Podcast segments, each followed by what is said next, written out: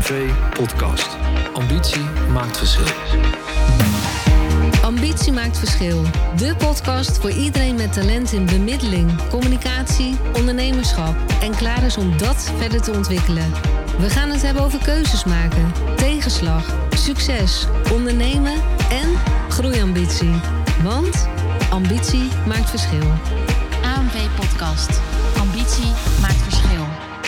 Van harte welkom bij weer een nieuwe aflevering van de AMV Ambitie maakt verschil podcast. En in deze podcast ga ik in gesprek met Anneloes van Deest. Zij is eigenaar van de Christelijke Mediator.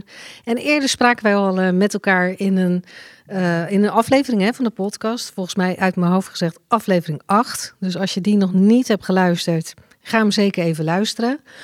En in deze podcast gaan wij het samen hebben over de training geloofsovertuiging binnen scheiding. Die we sinds kort uh, ja, op de opleidingskalender hebben staan.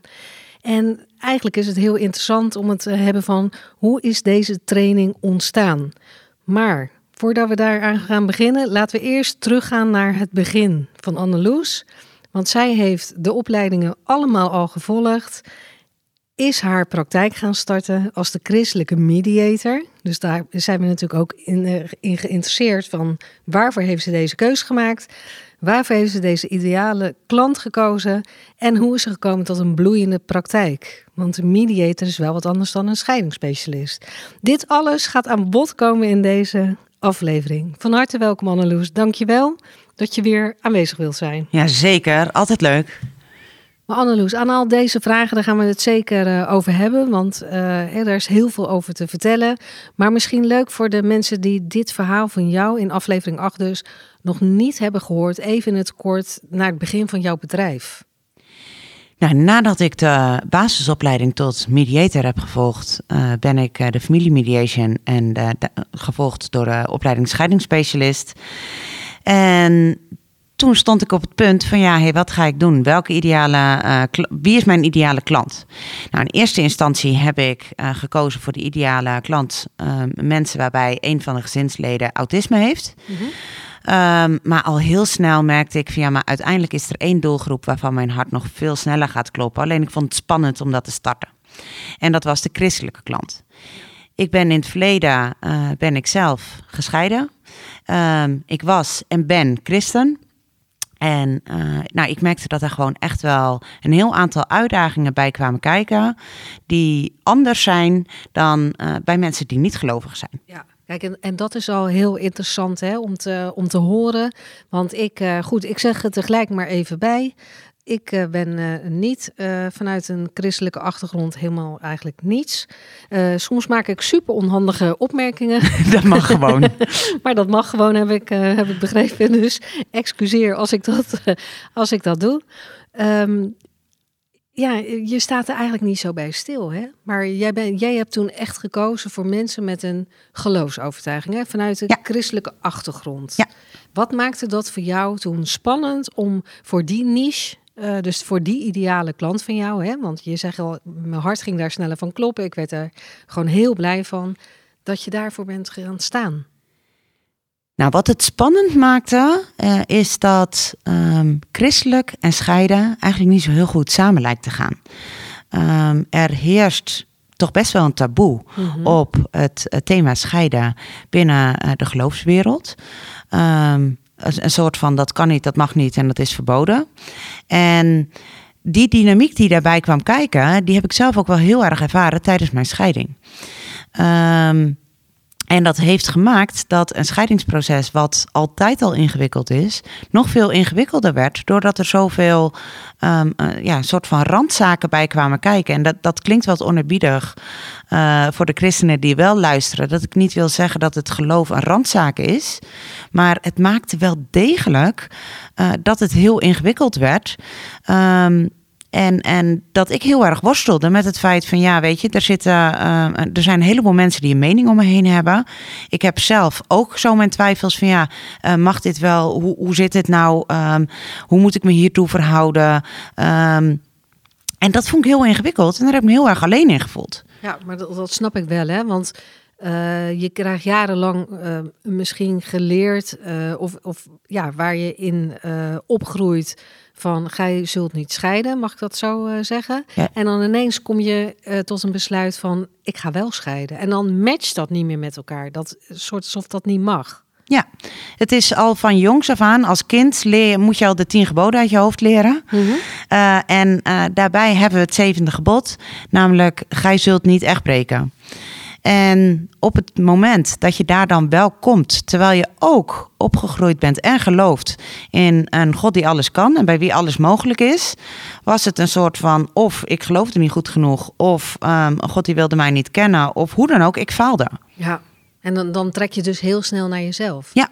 Ja, en dat lijkt me toch wel een struggle en een eenzame, eh, ja, een eenzaam iets waar je dan toch in zit. Nou, het, absoluut. En dat was het. ehm, als ik naar mezelf kijk, al voordat ik ging scheiden. Weet je, er, zit een, gaat een hele periode aan vooraf. Dat is bij, eh, eh, een, een, bij elke scheiding zo dat er vooraf al een heel proces gaande is. Van joh, ehm, het, het gaat niet lekker, het gaat niet goed in het huwelijk. Toen worstelde ik daar al mee. En op het moment dat ik uiteindelijk de knoop doorhakte. Ehm, ik zeggen ook bewust de knoop doorhakte. Want mensen zeggen van ja, maar je kiest ervoor om te gaan scheiden. Het voelde voor mij niet eens als een keuze. Ik had geen andere optie Ja, meer of geen zo. keuze meer. Ehm, en toen kwam ineens de omgeving. Die, voor wie het ook een soort van spannend, eng, onveilig werd. Van joh, maar dit kan helemaal niet en dit mag helemaal niet. En, Ja. en hoe kan het nou dat je dit gaat doen? Ja, wat doe jij? Binnen, binnen het geloof is het, het huwelijk heilig. Ja, En wie was ik ja, om die, heilig, die heiligheid te doorbreken? ja, ja.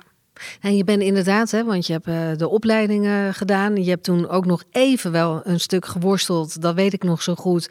Eh, toen we zeiden, joh, wat wordt jouw ideale klant? Dat je dacht, ja, weet je, ik begin maar toch even veilig. Want jij weet ook superveel, zo niet, bijna alles over autisme. Want Ja. dat is natuurlijk ook een heel specifiek gebied.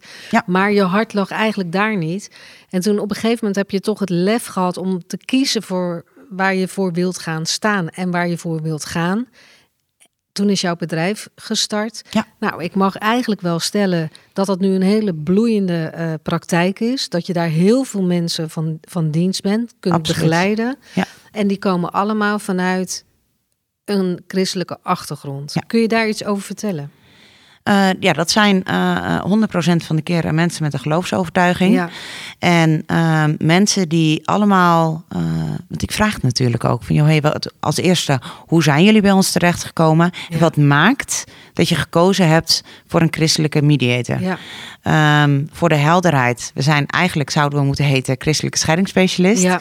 Ehm, maar ja, Maar hebben dat, klonk wat minder, Precies. wat minder lekker. Maar je bent in de basis echt een, eh, scheidingsspecialist. Ja, echt een zeker. specialist mag ik jou ook echt eh, noemen. Want dat ben je ook. Je bent ook expert op jouw eh, vakgebied. Ehm, en je hebt het ook super druk. Maar hoe kan dat? Want je vertelt net van, weet je, geloof en scheiden, dat, is geen goed, dat zijn geen vriendjes met elkaar. Dat, dat- ik denk dat dat voor iedereen wel eh, duidelijk is. En toch heb jij een hele bloeiende, drukke praktijk. Nou, wat, ehm, wat daar als eerste eh, al een reden van is, is eh, hoe triest het ook is. eh, er zijn niet minder scheidingen in de christelijke hoek. Eh, dus er gaan net zoveel mensen uit elkaar als onder de niet-christenen, laat ik maar even zeggen. Ehm, maar er is veel minder aanbod. En ik denk dat dat ook komt. Mijn eerste worsteling die ik had van ja, maar daar ga ik me toch niet in specialiseren. Hoe kan ik, hoe durf ik? Ehm, dus daar voelde ik echt wel een schroom. Ehm, dus er zijn gewoon weinig christelijke mediators, weinig christelijke scheidingsspecialisten. Ehm, dus de vraag is groot, het aanbod is, eh, is weinig. En er zijn best wel enkele eh, christelijke mediators. Ehm, maar die profileren zich daar niet als zodanig. Dus het is voor mensen die op zoek zijn naar christelijke hulp bij scheiden, is is de spoeling dun. Ja, want hoe, belangrijk is dat? Dat jij echt, eh, dus jij bent eh, vanuit een eh, christelijke achtergrond. Hoe belangrijk is het dan dat jij aan tafel komt bij iemand die expertise heeft op dit vlak? Ja, ik denk dat dat heel belangrijk is. Ehm, omdat als eerste al, wat veel klanten aangeven, iemand die onze taal spreekt. Iemand die ik niet alles hoef uit te leggen. Mensen die de dynamiek kennen ehm, van christelijke gezinnen. In christelijke gezinnen ehm, is er, er vaak een andere dynamiek leidend. De drijfveer van het leven van een christen is een andere drijfveer dan eh, van iemand die niet gelooft. Ja. En die drijfveer, daar waarvan eh, je hart sneller gaat kloppen, dat wat jouw levensdoel is, is anders dan wanneer je niet gelooft. Ja. En hoe fijn is het dan als je bij iemand aan tafel zit die je niks hoeft uit te leggen, ehm, maar die weet waar jouw pijn, waar jouw moeite, waar jouw frustratie zit en die bereid is mee te denken ehm, en ook vragen stelt die aanhaken bij de christelijke cultuur waar jij dag in dag uit je hele leven lang onderdeel van uitmaakt. Ja. Het is al zo ingewikkeld. Ja. Er komen al zoveel vragen Ja. op je af. Je moet het een beetje zien als jij naar een hulpverlener gaat. En jij moet eerst aan een hulpverlener de hele basis uitleggen. Daarvoor kom je niet. Nee, je, je, je bent echt op zoek, want het is echt wel specifieke materie, hè? Absoluut. Dus je bent gewoon eigenlijk eh, ja, op zoek naar een, iemand die daar ehm, nou ja, gewoon de affiniteit mee heeft en de expertstatus mee, mee heeft. Dus die inderdaad, wat jij mooi zegt, die jou hoort en die jou, eh, jouw taal spreekt. Ja. Want anders dan, dan ja. Wat, wat, wat, wat zou er anders kunnen? Eh, Ik zit even gewoon een beetje hard op te denken. hè, Want eh, kijk, je hebt natuurlijk ook. ehm, ik weet wel in het verleden hè, we, hebben wij natuurlijk ook scheidingen eh, gedaan. Dan had ik ook wel eens mensen uit, eh nou, uit Tolen. Hè, dat was ook best wel een eh, zwaar gereformeerd ehm, eh, echtpaar wat toen kwam. Toen dacht ik, ja, ik weet eigenlijk helemaal. Nee, ik, nou ja, ik weet ook gewoon natuurlijk wel de algemene verhalen die we allemaal kennen. Maar ik weet niet exact wat hier nu tussen haakjes het gedoe is. Ja. Want dat, dat kan ik niet doorgronden, gewoon omdat ik dat oprecht ook gewoon niet weet. Ik ken dat niet. Nee, en, en het risico wat daarin zit, is Ja. dat de vragen die jij stelt, dat die ehm, eh, wel de oppervlakte raken, maar dat die niet de kern eh, van het probleem raken. Simpelweg omdat jij op een hele andere golflengte leeft dan dat zij leven. Ja, En ehm, door de vraagstelling die je doet, kan je nog meer de diepgang vinden en nog meer doorgronden waar nou bijvoorbeeld, als we het hebben over de rouwcurve, waar het nou stagneert. ja, Waar je nou vastloopt. Dus die cijfers, die zijn bij een christen en een niet-christen echt hetzelfde. ja. Maar met name die emotionele en Ja, die sociale eh, laag die daar omheen zit. En het stuk als we gaan naar het ouderschap. Daar zitten gewoon hele specifieke onderdelen in. Ehm, waar je gewoon veel beter, makkelijker de diepte in kan gaan. En dus ook kan zoeken samen met de klant. Of dat je de klant kan helpen om te zoeken naar die oplossing die ook daadwerkelijk bij hun past. Ja, mooi. Ja, het is eigenlijk heel, ehm, heel aardig. Hè? Want als je denkt van, goh, ik heb een, een, een, kind. Laat ik maar even als voorbeeld nemen. Ik heb een kind met autisme. Ehm, daar ben je voor op zoek. Hè? Omdat je gaat eh, scheiden, zoek je iemand die affiniteit en een expertstatus heeft op het autisme. Mhm. Dat vinden wij heel logisch. Want Ja. kijk, als je met iemand in gesprek gaat die eigenlijk helemaal, ja, die kent het woord wel en die weet een beetje in de grove lijnen wat het is, maar daar houdt het op. Dan is dat eigenlijk al heel lastig. Maar het, met een geloofsovertuiging ehm, wordt het toch nog een beetje algemeen. Terwijl je daar ook die expertstatus gewoon voor moet hebben. Nou ja, sterker nog, als Snap je wat Ja. ik bedoel? Ja. En, en ik denk zelfs dat bij autisme is het heel fijn als iemand kan aanhaken enzovoort. Ja. En daarop eh, de, de juiste vragen kan stellen, rekening kan houden in het proces. Maar ehm, voor de mensen die niet geloven, misschien lastig te begrijpen. Maar het geloof is allesomvattend voor degene die gelooft. Dus daar, daar heeft, heeft alles, daar heeft zelfs de financiën hebben een betekenis in het totaalplaatje van het levensdoel eh, eh, van de mensen hier. Ja, ja. En, eh, nu hoor ik jou zeggen, en ik weet het ook, hè, want je hebt het gewoon ontzettend druk. Ja, Dat je wel eens denkt van, waar, waar komt het allemaal vandaan? Maar ze komen echt vanuit het hele land naar... Ja. Ja, je bent echt al heel bekend in dit vakgebied op deze ehm, expertise. Maar ehm, hoe manage jij dat voor jezelf al? Want je, ik hoor je net ook zeggen, er is heel veel vraag. Er is eigenlijk weinig aanbod, hè? ja. Maar jouw uren zijn op een gegeven moment op. Nou, als ik kijk naar hoe ik dat uh, de afgelopen jaren heb gemanaged, uh, ben ik vooral, um, nou ja, gaan proberen meer uren in mijn dag te krijgen. Ja, dat lukt niet, hè? ik heb heel erg mijn best gedaan, maar dat is best ingewikkeld. Ja.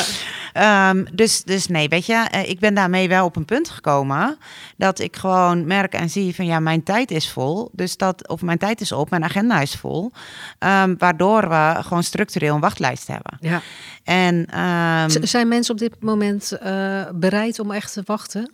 Ja, ik, ik blijf me daarover verbazen. Er zijn, uh, als, als ik nu kijk, voor de zomervakantie, uh, dus, dus voor juli, heb ik toevallig komende donderdag nog een informatiegesprek van mensen die zich toen hebben aangemeld. Ja, en dat is alweer een paar maanden zit daartussen. En dus dan, dus mensen zijn echt bereid om, om ja. te wachten. Ik snap het ook echt wel. Ja, ik verbaas me daar oprecht over. En ik, ik, ik merk ook dat het me steeds weer raakt. Want je spreekt mensen of, of mensen die, die, die, die bellen van... joh, we willen graag een gesprek inplannen, want we gaan uit elkaar. En um, dat ze eigenlijk een soort van blij en opgelucht zijn van... hé, hey, we hebben iemand gevonden, we hebben de website gelezen. En daarvan denk ik van, joh, hey, uh, bij, bij hun zijn we aan het goede adres. En dat ze dan vervolgens te horen krijgen in de hectiek en de emotie van dat ja, moment. Ja. Sorry, uh, je moet drie maanden wachten. Ja. Ik vind dat elke keer weer een buikpijnmoment om tegen mensen te zeggen: Ik uh, begrijp dat, er, uh, dat, dat de nood hoog is, ja. um, maar u moet echt drie maanden wachten. Um, waarbij uh, ik dat in het begin dus heel moeilijk vond en daarin soms ook wel eens mijn eigen grenzen overging en dan maar avonden ja, doorwerkte. Want je wil iedereen helpen, Anneloes, echt. Eigenlijk, iedereen die aan de bel trekt, je voelt. Je voelt die lading en uh, dan ga je ook terug. Weet je, ik, ik ben uh, mediator en scheidingsspecialist geworden, omdat ik zelf ook weet hoe uh, um, je dan naar hulp snakt. En uh, dan doet het nou bijna zeer om nee te zeggen. Dus ik ben daar heel lang in doorgegaan. Totdat ik nu wel ook um, uh, naar de klanten uitleg van ja, weet je, ik vind het belangrijk dat alle klanten die we helpen ook de zorg en aandacht krijgen die ze verdienen. Ja, precies. En die wil ik jullie ook bieden. En juist daarom. Ja. Is ja, het... want, want anders zou je echt op je kwaliteit moeten gaan Ja. inboeten. En dat is, nou, dat is gewoon een no-go, toch? En nou, zo zijn wij samen natuurlijk uh, uh, in gesprek gekomen. En toen hebben we echt samen ook bepaald van... goh, weet je, het, het zou eigenlijk heel goed zijn... als meer scheidingsspecialisten of familiemediators... Um, professionals die bezig zijn met scheidingen... Ja. dat ze hier wat meer know-how van hebben. Zeker. Want ook, um, kijk, geloofsovertuiging kan natuurlijk in verschillende... Uh, facetten zijn. Hè? Het kan ook zijn dat de een vanuit een geloofsovertuiging, vanuit zijn, ja, zijn, zijn eigen gezin, zeg maar, komt en de ander helemaal niet. Ja. En dan kun je, zolang je in een relatie zit, dat nog wel een beetje managen met elkaar, totdat je uit elkaar gaat. En dan wordt het natuurlijk ook dat iemand zegt van nou, ik hang dat hele geloof aan de wilgen. Het uh, zal mij tijd wel duren, ik vind het prima. En die ander zegt nee, ik vind het super belangrijk. En dan heb je wel samen kinderen. Dus er zitten wel hele complexe vraagstukken in versleuteld. En we hebben samen toen besloten van, goh, eigenlijk zou hier gewoon een, een ja, een training op moeten komen. Uh, met, met al die onderwerpen erin die, die, nou ja, die eigenlijk bijna noodzakelijk zijn. Want er zijn natuurlijk gewoon heel veel mensen. We hebben het niet alleen over gereformeerde mensen. Hè? Nee. We hebben, het is natuurlijk heel veel omvattend. En de kans is natuurlijk aannemelijk dat je iemand aan tafel krijgt vanuit zo'n achtergrond. één of twee of twee. Hè? Dus maar net uh, hoe je dat wil zien. En zo zijn wij gekomen tot die training. Ja, ik vind het wel mooi trouwens, hoe je dat net zei. Van joh, op het moment dat mensen uh, in een huwelijk zitten, op dat moment wordt alles nog een soort van bedekt met de mantel van de liefde. Ja. En dan, dan lijmen we wel. Ja. Maar op het moment dat de neuzen een andere kant ja, uitgaan. is geen noodzaak meer. Uh, dan is de noodzaak om samen tot overleg te komen. Ja. ik wou zeggen, die is weg. Die is natuurlijk niet weg. Nee, Zeker niet als je kinderen niet. hebt. Maar het kan wel zo voelen. Ja. Um, dus ik ben heel blij dat we uiteindelijk, ik ben natuurlijk uh, met jullie om tafel gaan zitten van hé, hey, ja. um, ik heb een expertise uh, op het uh, ja. deel christelijk scheiden. Jullie hebben een expertise op het opleiden ja. van scheidingsprofessionals. Kunnen wij niet onze handen ineens slaan, zodat er meer mensen geholpen kunnen worden op een manier waarop zij ook geholpen willen worden? Ja, en het is natuurlijk een hele logische uh, stap, hè, eigenlijk. Uh, ik moet je heel eerlijk zeggen, en nogmaals, dat zal uh, te maken hebben met onze um, eigen achtergrond, dat wij daar zelf nooit zo bij stil hebben gestaan. Van ja, eigenlijk is het weer een expertstatus, dus moet je daar ook in opgeleid worden of in getraind ja. worden. Hoe ga je daarmee om? Ehm, dus die hebben we op de kaart. Hè. De tweedaagse trainingen nu op de kaart. Overigens, eh, als jij geïnteresseerd bent, kun je daar alles eh, vinden op onze website. En dat zet ik ook even in de tekst hier onder deze podcast. Maar, maar even terug naar jou. Want als iemand zo'n training gaat volgen, wat leer je dan? Nou, kijk, jij geeft al aan, het is een tweedaagse. Ja. Ehm, op het moment, uh, als ik naar, met, naar mezelf kijk, uh, ik ben zelf uh, met de paplepel is, is het geloof me ingegoten. daarna overigens in, in mijn puberteit jaren daar met de pet naar gegooid. Ja. En vervolgens mijn eigen weg ingevonden. dus er, er, daarin heb ik een hele weg afgelegd twee dagen is een beperkte tijd. Ja.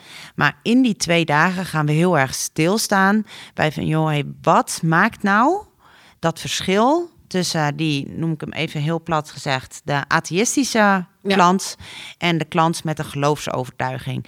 Op welke stukken komt daar nou een andere dynamiek bij kijken, maar ook van joh, wat gelooft een christen nou eigenlijk? Want als je weet wat een christen gelooft, kun je ook makkelijker en beter het verschil zien. En hé, maar als dat je overtuiging is, als je door die bril naar de wereld kijkt, kijk je dus ook op een andere manier naar het onderwerp scheiden. Kijk je op een andere manier naar het onderwerp ouderschap na scheiding enzovoort. Ja, ja en dat, ik, ik denk ook wel, en zeker in deze tijd, met nog veel meer Um, uh, ja, mensen met verschillende diversiteit, achtergronden, dat we er gewoon, ja, gewoon veel meer van af moeten gaan weten. Ja. Hè, van geloven, maar misschien ook van culturen. Hè, dus even gewoon een andere uitstapje.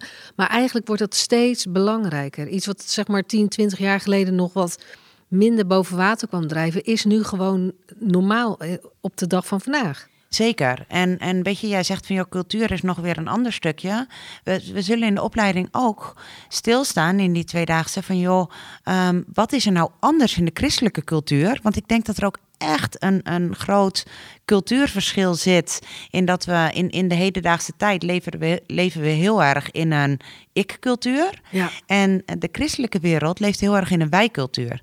En daar zit echt wel een wezenlijk verschil tussen. Ja, en dan moet je toch als uh, scheidingsspecialist wel weten hoe je dat gaat managen. En precies. dat je precies inderdaad, wat jij mooi vertelde, weet van uh, hoe ga ik daarmee om. Maar ook bij jezelf, om uh, even te kijken van um, wat, wat is jouw rol hierin hè, als specialist? Ja. En in hoeverre kun je gaan? Of waar liggen jouw grenzen? Of hoe begeleid je dit? Of als twee mensen vanuit een verschillende geloofsovertuiging komen, want dat kan natuurlijk ook nog.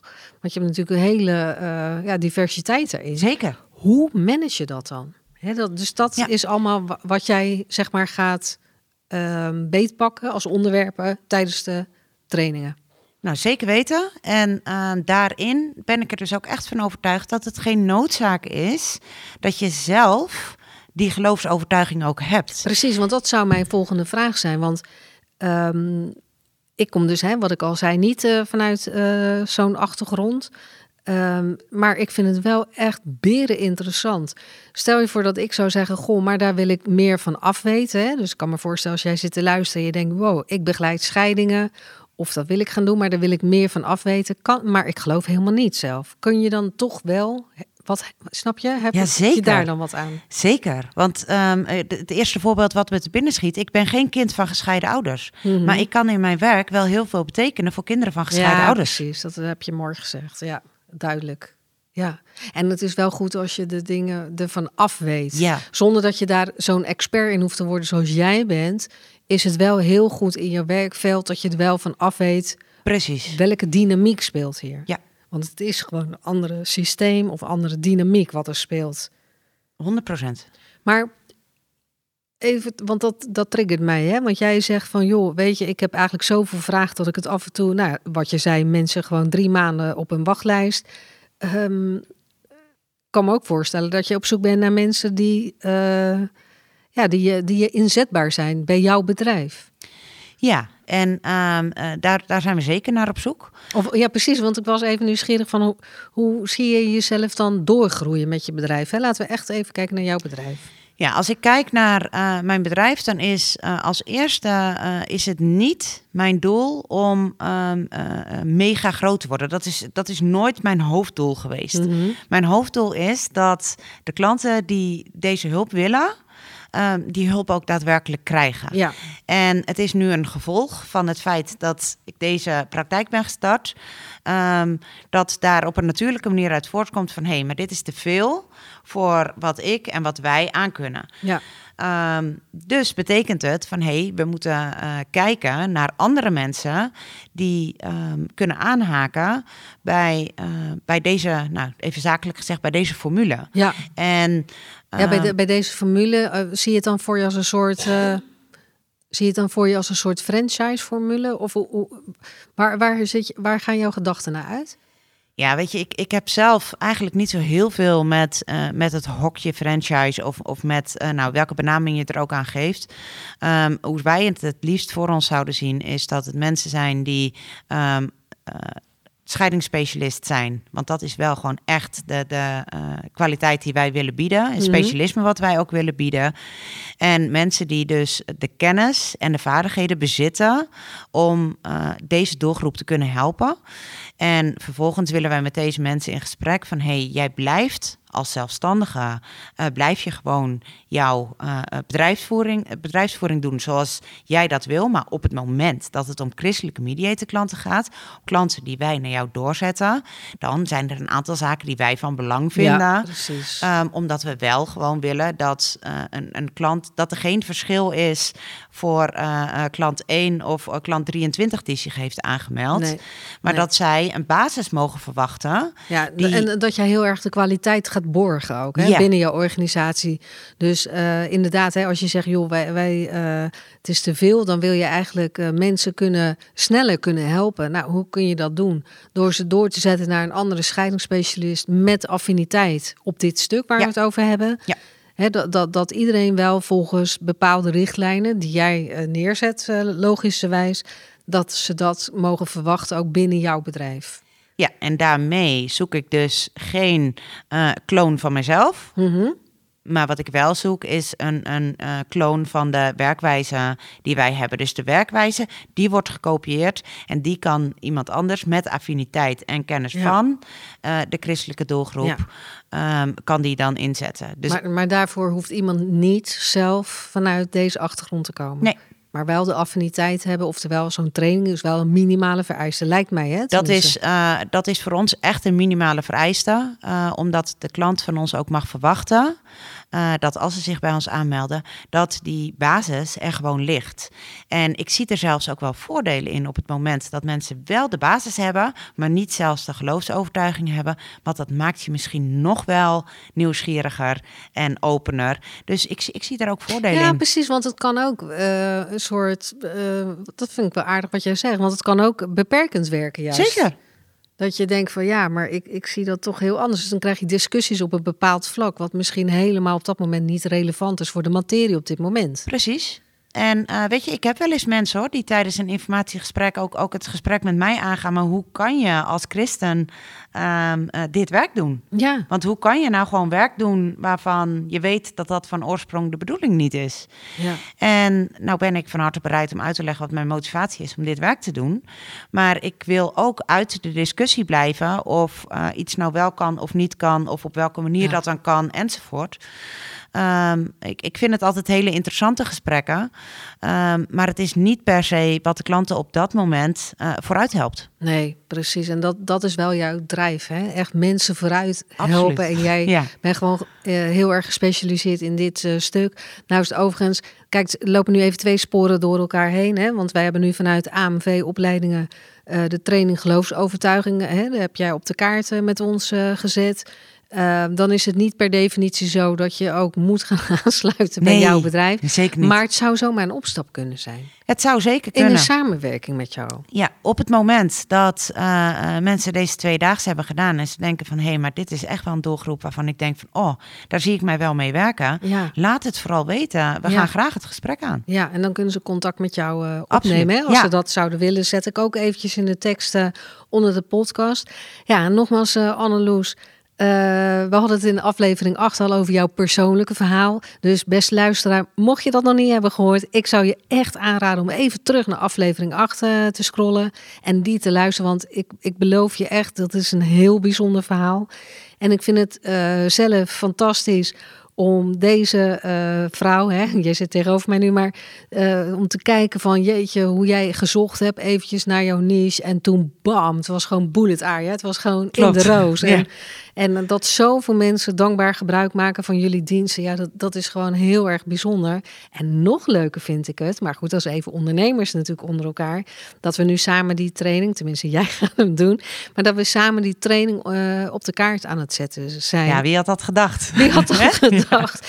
En, en dat we echt kijken van, om, omdat ja, ik echt wel bij mezelf achter mijn oren krabbelde van jeetje, Mina, dit, dit is gewoon wel iets wat, ehm, ja, wat veelomvattend is. En wat gewoon echt de serieuze aandacht ook verdient. Want het is niet even van, oh, iemand is christelijk, ha, ha, ha, een beetje, hè. Nee. Het, het is gewoon een heel veelomvattend, eh, complex onderwerp. Zeker in scheiding. En zeker behoeft dat gewoon de nodige aandacht. Weet je, in het dagelijks leven is eh, het, het, het leeft iemand eh, die gelooft al vanuit een andere basis, maar bij, bij een scheiding wordt dat nog een keer ontzettend op scherp gezet. Ja, en zeker, kijk, ik zeg altijd, een scheiding is meer dan een gesprek bemiddelen. Je moet dus echt wel veel meer in huis hebben om heel goed te worden in je vak. En nou ja, dat, dat zeg ik eigenlijk altijd al vaker. Jij bent wel het lopende bewijs daarvan. Want dat je echt wel een heel eh, goed draaiende praktijk neer kan zetten op een onderwerp wat toch altijd een beetje spannend is. Hè? Mensen vinden het toch altijd wel een beetje een spannend. Ja. En wat jij zegt, ehm, ook voor jou in jouw eh, aandachtsgebied ook een soort taboe. Maar om dat taboe te doorbreken, ja, dat, dat vind ik wel echt eh, heel erg goed. En ik denk dat mensen daar ook echt wel eh, ja, op zitten te wachten. Maar dat er ook nog wel meer begeleiding en hulp ja, Er gewenst zijn, is. er zijn nog heel veel mensen die om een, op een eh, uitgestoken hand staan te wachten. Ja. Ja, precies. Nou, dankjewel eh voor je, nou ja, weer voor jouw mooie verhaal. Wat, wat eigenlijk altijd gewoon leuk is. En luisteraar, dankjewel voor het luisteren. En heel graag tot de volgende aflevering. AMV Podcast. Ambitie maakt verschil. Dankjewel voor het luisteren. Uiteraard hopen wij dat jij hier nieuwe inspiratie of inzichten uit hebt gehaald voor weer een volgende stap. Als je met plezier hebt geluisterd en je bent nog niet geabonneerd op onze podcast, abonneer je dan via je favoriete podcast-app. Je kunt natuurlijk ook een review achterlaten. Daar zijn wij enorm blij mee. En als je vindt dat andere ondernemers naar deze podcast zouden moeten luisteren, deel deze podcast dan gerust met je netwerk. Wij zien nu al uit naar de volgende podcast. Dus graag tot de volgende keer. En weet, ambitie maakt verschil.